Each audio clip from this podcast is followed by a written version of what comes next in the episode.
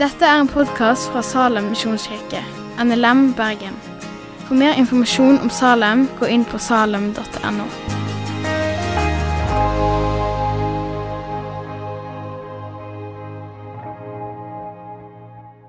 God søndag, får jeg si òg, og kjekt å se dere. Og jeg ser Vi har jo god koronaavstand rundt oss her, så vi er vel litt i sånn feriemodus fortsatt.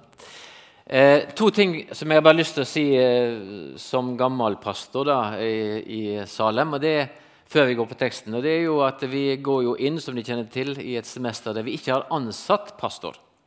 Men jeg har lyst til å understreke at det er ikke sånn at vi ikke har et lederskap som fortsatt står ved lag og står ved roret. Så husk på de som er igjen i staben. Eh, det er klart det bør merkes når en pastor er borte, men allikevel det er dyktige folk igjen. Eh, så husk på de. Eh, og det andre er at oppfordre forsamlingen til å være med og be fortsatt om at prosessen med å skaffe en ny pastor må gå bra, og at vi får en person som virkelig kan være til velsignelse for fellesskapet vårt her i Salem. Det trenger vi, og det ønsker vi. Og vi håper at Gud kviskrer noen i øra Eh, søk på stillingen i Salem. Det var to oppfordringer før vi går på dagens tekst.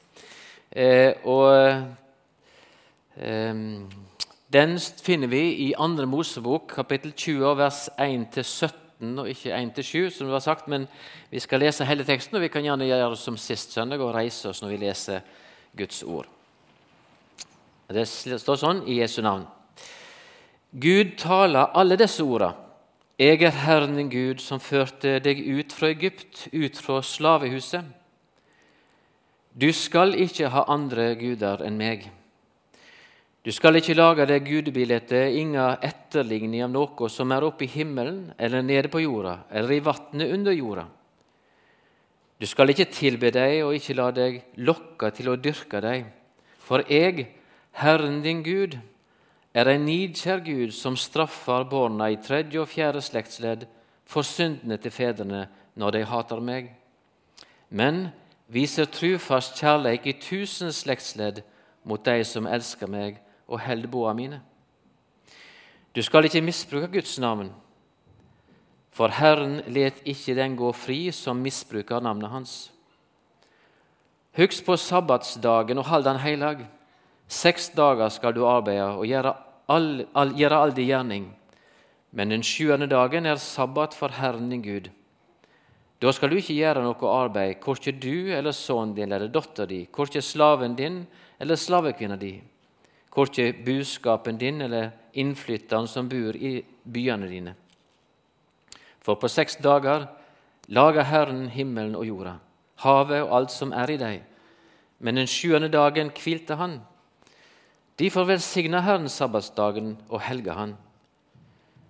Du skal heidra far din og mor di, så du kan leve lenge i det landet Herren din Gud gjev deg. Du skal ikke slå i hjel. Du skal ikke bryte ekteskapet. Du skal ikke stjele. Du skal ikke vitne falskt mot nesten din. Du skal ikke trå etter huset til nesten din. Du skal ikke trå etter kona til nesten din, slaven eller slavekvinna hans, oksen eller eselet hans, eller noe annet som hører nesten din til.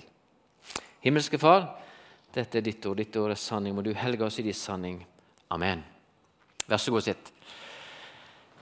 Um, I vår lutherske lære så er jo dette med lov og evangelium et ordpar som eh, blir løfta opp som et veldig viktig ordpar. Der loven er de ti bud, og evangeliet er den gode budskapet om at vi er frelst, som vi har vært i minne om innledningsvis, av nåde alene, uten de gjerninger som lova krever. Og Det å skille rett mellom lov og evangelium er jo det Luther sier som den store hemmelighet. Det å skille rett mellom lov og evangelium. For dersom vi blander det sammen, så kan vi fort bli åndelig forvirra. Er jeg frelst av nåde alene, eller krever Gud av noen gjerninger for at jeg skal være god nok for Han? Det er én ting å ha det på stell teoretisk, men det som en erfarer, er at veldig mange sliter med det emosjonelle i å tro dette. For en ser på seg sjøl, føler seg elendig, og hvordan kan Gud se nåde til meg? Og Nå har vi allerede hørt fra Efeserbrevet 2. Vi skal repetere det, vers 8 og 9. For av nåde er det frelst ved tru. Det er ikke deres eget verk, det er Guds gåve. Og det hviler ikke på gjerninger, så ingen skal skryte av seg sjøl. Og det er rett og sant at når det gjelder min frelse, så er det ingenting jeg kan legge til, og ingenting jeg kan trekke ifra for at jeg skal fortjene det som allerede er ferdig for meg. Jesus har gjort alt ferdig. Hans liv, hans død for mine synder og hans oppstandelse er det fullkomne frelsesverk som jeg får stige inn i. Men Jesus sier også jeg er ikke kommet for å oppheve lova, men for å oppfylle den. Det betyr at Jesus har oppfylt alle krav. Men det betyr også at loven er ikke parkert som noe som er ubetydelig, noe som vi ikke lenger skal forholde oss til. Så det spørsmålet som er viktig for oss, det er hvordan skal vi da forholde oss til de ti bud. Eh, hva verdi har de for oss i dag? Og Der har jo òg Luther gitt oss tre ulike bruk av loven. Og Vi skal nevne de alle, men det er særlig den tredje bruken jeg skal stanse opp for i det jeg har lyst til å formidle til dere i dag. Men eh, vi skal ta det etter tur. Veldig kort de to første. Den første bruk, sier Luther, det er for samfunnet, det allmenngyldige bruk. Og Tanken er da at et samfunn som bygger sin lovverk på de ti bud, vil bli et godt samfunn å bo i. Når Norge skulle dannes i grunnlov i 1814, så er det ingen tvil om at den kristne tenkning gjennomsyrte lovverket. Etikk, kristen etikk og moral, menneskeverd, eh, verdiene bygger på den kristne tro. Og de ti bud var et viktig prinsipp. Og Tenk deg et samfunn der folk legger vind på ikke lyge, ikke stjele, ikke slå i hjel, ikke drive hor, ikke bryte ekteskapet. Et samfunn som oppmuntrer til å hedre sin mor og sin far, til å dyrke Gud. Det tenkte Luther det var et godt samfunn å være i, for alle. Loven sin andre bruk, det, sier Luther, er det speil som loven er. Disse ti bud blir et speil som jeg for min egen del speiler meg i. Og Så ser jeg inn i disse ti bud, og så er spørsmålet er jeg god nok som jeg er for Gud. Er jeg rettferdig nok, hellig nok for Gud ut ifra Hans krav? Og Når jeg ser inn i det speilet, så skal jeg ikke se veldig lenge før jeg inn, fort må innrømme at jeg strekker ikke til på noe plan i forhold til det som er lovens krav. Men det som da skjer, det er at en annen person som stiger inn bak meg, og som dekker hele dette speil, og som sier 'jeg er ikke kommet for å oppheve lova, jeg kom for å oppfylle den'. Og Det er Jesus Kristus som står der og sier 'Jeg har oppfylt alt dette for deg'. Og hans kall til meg er 'Vil du stige inn i min rettferdighet, min hellighet, og hvile i min nåde?' Den er gratis. Det er ingen krav som skal ramme deg, for de kravene har rammet meg, sier Jesus. Og mitt gjensvar har vært, og jeg håper kommer til å bli, fortsatt takk, Jesus, for din nåde. Takk for ditt fullkomne frelsesverk, som jeg får lov til å hvile i.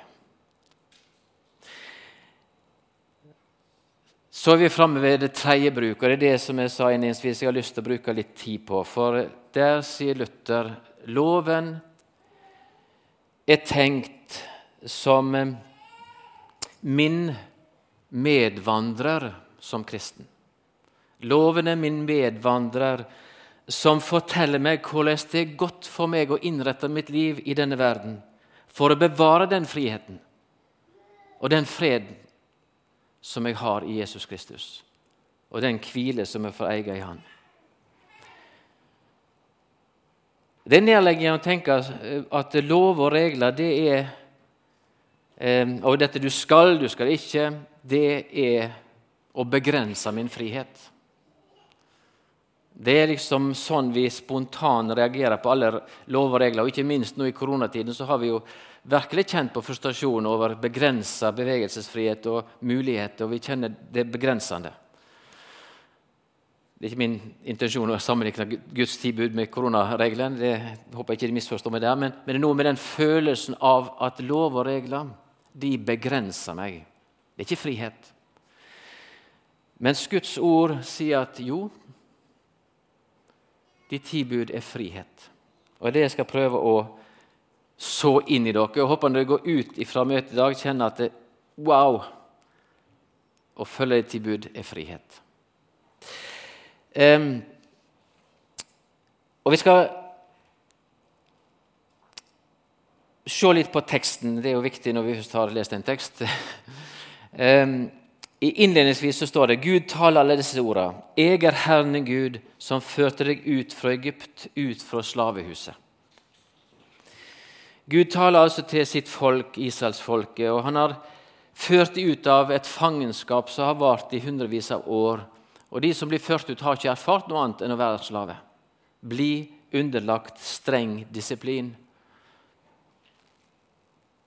Gud gir dem friheten tilbake. og jeg har prøvd å tenke hvordan må de ha følt det. De må ha følt det både litt sånn forvirrende hva gjør vi nå? Men samtidig så må de òg ha kjent på en enorm stor glede over endelig å være fri. Og så går det ikke så veldig lenge. Så stiger Moses ned av Sinai-fjellet etter å ha møtt Gud med de to steintavlene og med de ti bud. Du skal, du skal ikke. Og Det første budet kjenner vi. Du skal ikke ha andre guder enn meg. Israelsfolket hadde vært eksponert for et mangfold av guder og stemmer og ulike guder som skulle hjelpe på ulike nivåer i livet. Nå stiger Gud fram og sier det er bare meg det skal tilby. Og Han eh, forklarer det hvorfor det er sånn. Hvorfor er det bare himmelens Gud, jorden, himmelens og jordens skaper, de skal tilbe? Ja, For det første så beskriver han jo litt hva de ikke skal gjøre. da, Om å ikke lage bilder eller avstøpninger eller noe som helst som minner om noe oppe i himmelen på jorda, og tilbe det. For det er avgudsdyrking. Men så forklarer han For jeg, Herren din Gud, er, nid, er en nidkjær Gud som straffer barna i tredje og fjerde slektsledd for syndene til fedrene når de hater meg. Men jeg viser trufast kjærlighet i tusen slektsledd mot de som elsker meg og held boa mine. Jeg skal innrømme at eh, jeg ganske lang tid har eh, slitt med å komme til rette med dette at Gud straffer barn, barnebarn, oldebarn, ja til og med tippoldebarn for fedrene sine synder. Er det rettferdig? De har jo ikke gjort noe galt. Så hvordan henger det sammen? At Gud straffa, står det. Og han velsigna i tusen slektsledd. I dag og det, er kanskje litt flaut å innrømme, men det er faktisk psykologien som har hjulpet meg til å forstå realismen i akkurat dette som står.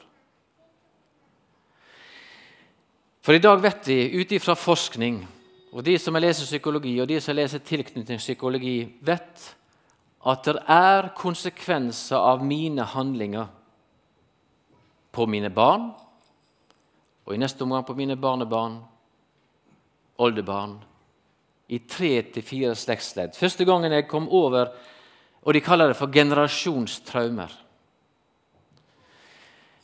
Første gangen jeg kom over eh, denne Dette funnet var hos en tysk professor i psykologi som heter Frans Rupert. Han har studert generasjonstraume i Tyskland og sier at disse traumene går i tre til fire slektsledd før de feider ut.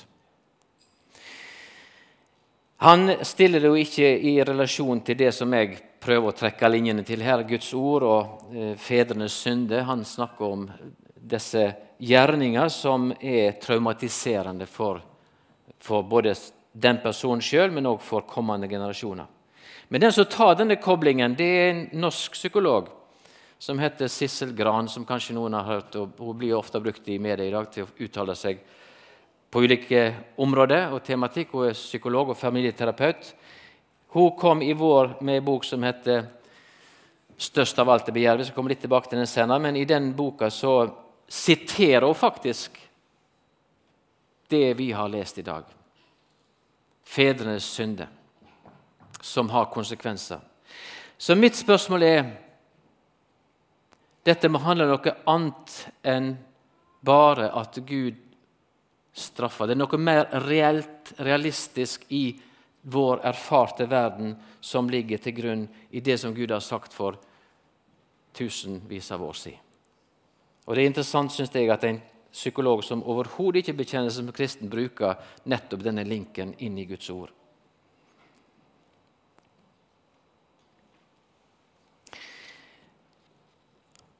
Og hvorfor trekker jeg inn dette? Eh, Jeg tror det som Gud ønsker å fortelle oss, og som er mitt poeng når jeg skal prøve å legge ut dette med den tredje bruk, det er at det er noen livslover som alle mennesker er underlagt. Å bryte disse livslovene fører til negative, fører til negative frukter for oss. Å leve etter disse livslovene fører til velsignelse. Og Det er det jeg ser i det som Gud her sier. Hold mine bud, for de er fokusert inn på hvordan du skal navigere i disse livslovene for å få et godt liv. Derfor er loven min gode medvandrer i livet. For å bevare den fred, den frihet som Kristus har vunnet for meg.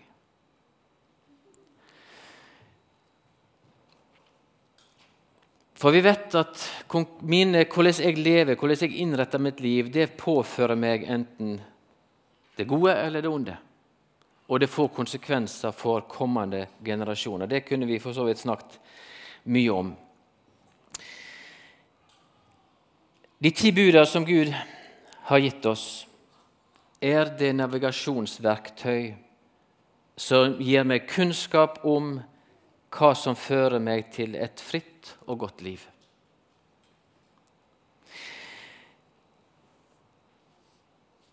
Vi leste fra Efeserbrevet 2, for av nåde er det frelst.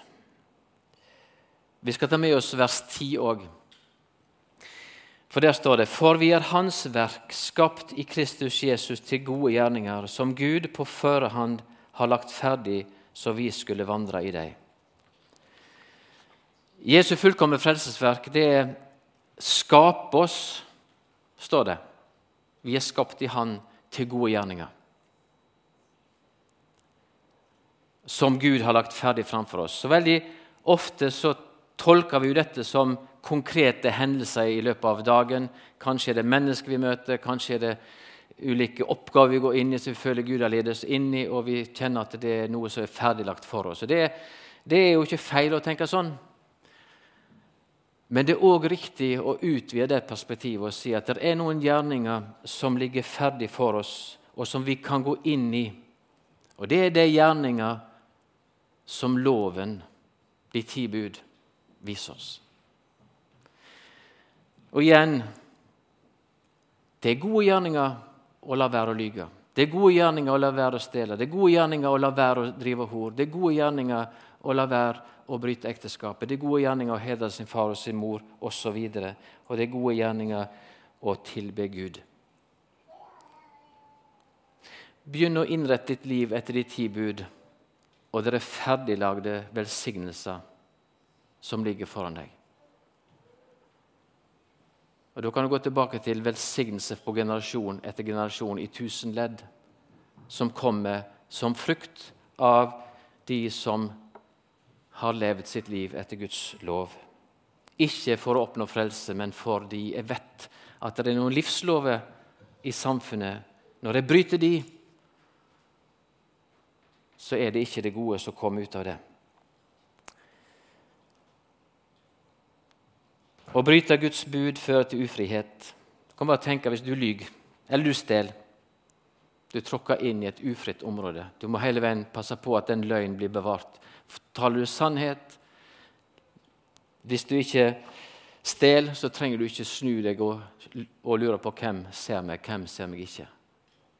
Det er frihet. Jeg har lyst til å bruke noen minutter til for å understreke dette litt, litt mer eh, eh, for oss. Jeg glemte, og jeg har lyst til å gå tilbake til Sissel Gran, for det er en bok som jeg ikke anbefaler at de leser eller kjøper, men for meg så har det vært utrolig eh, interessant å oppleve en profan forsker sitt perspektiv på det vi her snakker om. Hva som ødelegger for et menneske, og hva som bygger et menneske. Um, og Jeg nevnte denne boka som eh, har fått tittelen 'Men størst av alt er ikke kjærligheten, men begjæret'. Og undertittelen av alle ting 'Kjødets higen i liv og litteraturen'. I denne boka så tar hun oss med inn i terapirommet og inn i litteraturen for å vise oss hva som aller mest ødelegger våre liv, nemlig vårt begjær. Og Hun snakker jo ikke bare om det som oftest vi tenker på, kanskje, med seksuelt begjær. Hun snakker om eh, maktbegjær, pengebegjær, hevnbegjær, voldsbegjær, misunnelsesbegjær osv. osv. Hele denne pakken av denne kraft i oss som hun kaller for 'dette noe i oss', som når det overtar kontrollen i livet vårt, eller når det kommer ut av kontroll, så ødelegger det livet vårt.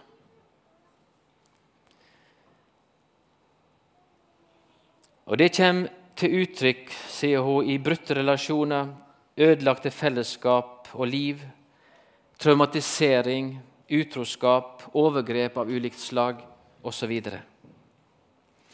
Og Det er interessant igjen at hun linker dette igjen til Guds ord, selv om hun ikke, tydeligvis har en viss kunnskap om Guds ord. men hun kaller seg jo ikke kristen, men hun snakker om Paulus som sier at syndens lønn er døden.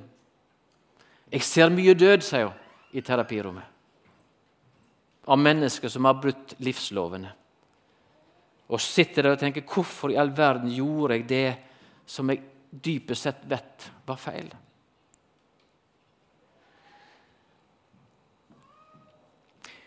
Det som er trist med boka, er at Sissel Gran har ingen motgift mot det hun ser. Hun har ingen mottrekk. Og det erkjenner hun mange ganger. Jeg har ingen svar, jeg kan bare registrere det jeg ser. Jeg ser at mennesket går på grunn igjen og igjen når begjæret er det som styrer livet. Det blir mer opp til den enkelte å finne hvordan kan du regulere dette noe i deg, så du ikke blir ødelagt. Bibelen gir oss en motgift, og det er de ti bud. Lev etter de, og du blir bevart. Og Vi skal lese fra Romerbrevet 7,7. Og Det blir på, på bokmål denne gangen, for der kommer begrepet 'begjær' inn. På nynorsk heter det 'lyst', men jeg tenkte å si Siste grad bruker begjæret som og størst av alt er begjæret. Det er liksom det hun har hengt seg opp i. Der står det slik i Romerbrevet 7,7. Hva skal vi så si? Er loven synd? Slett ikke. Men uten loven ville jeg ikke visst av synden. Jeg ville ikke visst hva begjær var. Dersom ikke loven sa 'du skal ikke begjære'.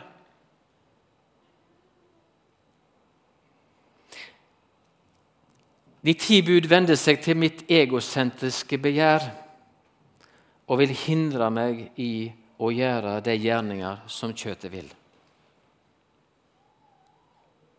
Jeg håper de henger med på det jeg prøver å si. De ti bud vender seg til meg i den tredje bruk, ikke som en frelsesvei, men for en vei å bli bevart. For loven vil hindre meg i, og den vil fortelle meg hvordan jeg skal navigere i dette livet, slik at ikke mitt kjøtt og mitt eget begjær overtar kontrollen. Og Galaterbrevet 5, 19-23, der skisserer jo Paulus opp disse to forholdene. Hva som kommer av vårt, mitt eget kjøtt og mitt eget begjær, og hva som kommer av åndens frukt. Og Vi skal lese det. det ikke, jeg har glemt å si det, men det kommer ikke på, på, veggen, tekstene, fordi de har ikke fått det til i dag. Så får bare, de får bare lytte godt etter. Det er klart hva slags gjerninger som kommer fra kjøttet.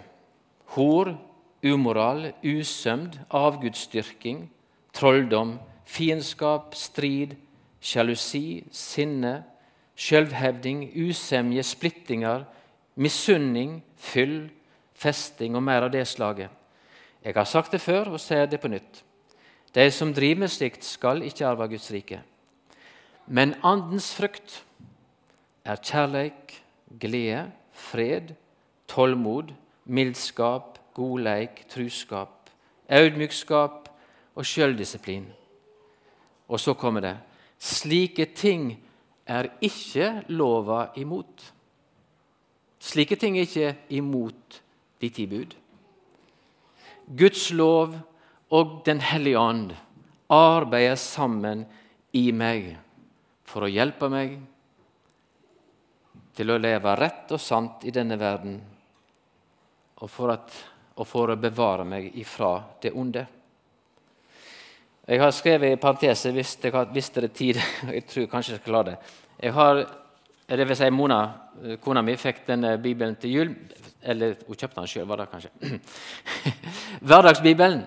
Og Den har et litt sånn mer eh, hva skal jeg si, eh, språk som, som er lett å forstå og lett tilgjengelig. og jeg har bare lyst til å lese det siste avsnittet vi har, skrevet, eh, har, har sitert her, ut ifra den. da.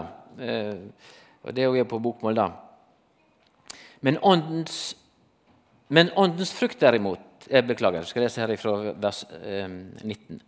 For dersom vår natur får leve ut sine lyster, altså sitt begjær, vil det bare føre til ekteskapsbrudd, sex utenfor ekteskapet, urenhet mellom Eh, med skammelige seksuelle fantasier og handlinger. At Gud blir byttet ut med andre guder. Trolldom, hat, stridigheter, sjalusi, raseri, egoisme, splittelser, intriger, misunnelse, drap, fyll, umoralsk festing og alt det som følger med et slikt liv. Nå er dere advart. Jeg har sagt det før, og jeg sier det igjen. De som vil leve slik, får ikke være Guds barn og arve Guds rike. Men åndens frukt derimot er kjærlighet, glede, fred, tålmodighet, vennlighet, godhet, trofasthet, ydmykhet og selvbeherskelse. Alt dette er summen av Moseloven.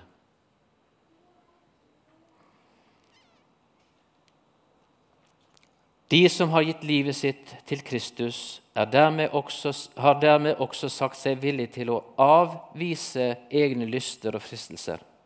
Hvis vi sier at vi vil leve for Gud, så må vi la Guds ånd få prege oss.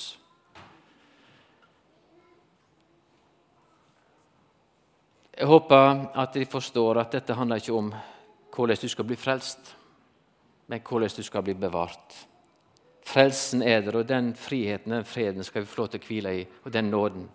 Men samtidig så er det en kamp i denne verden. Det kjempes om min sjel i denne verden. Og Den kunnskap og den innsikt som Guds ord gir meg, forteller meg at det er godt for et menneske å strekke seg og ordne sitt liv etter Guds gode lov, skal vi be. Kjære Jesus, vi takker deg fordi at du, ditt ord er sannhet, og nå ber jeg om at du må få åpenbare for den enkelte av oss din sannhet og din veiledning og din rettledning, Herre Jesus. At vi forstår at du ønsker oss det gode, du vil etterjage oss med din nåde og velsignelse. Herre Jesus, hjelp oss til å forstå det og leve i det. Bevare oss ifra det som ondt. Og så ber vi her konkret, Herre Jesus, og inn i Salem, både for de som er i staben nå, at du virkelig er med de og styrker de, gir de visdom, innsikt, men òg at du får gi de frimodighet i tjenesten. Så ber vi òg at uh, du kaller og innsetter rett person i stillingen som pastor, Herre Jesus. Det ber vi om. I ditt hellige navn. Amen. Takk for at du har hørt på podkasten fra Salem, Bergen. I Salem vil vi vinne, bevare, utruste og sende, til Guds ære. Vi ønsker å se mennesker finne fellesskap, møte Jesus og bli disippelgjort her i Bergen og i resten av verden. Vil du vite mer om oss, gå inn på salem.no.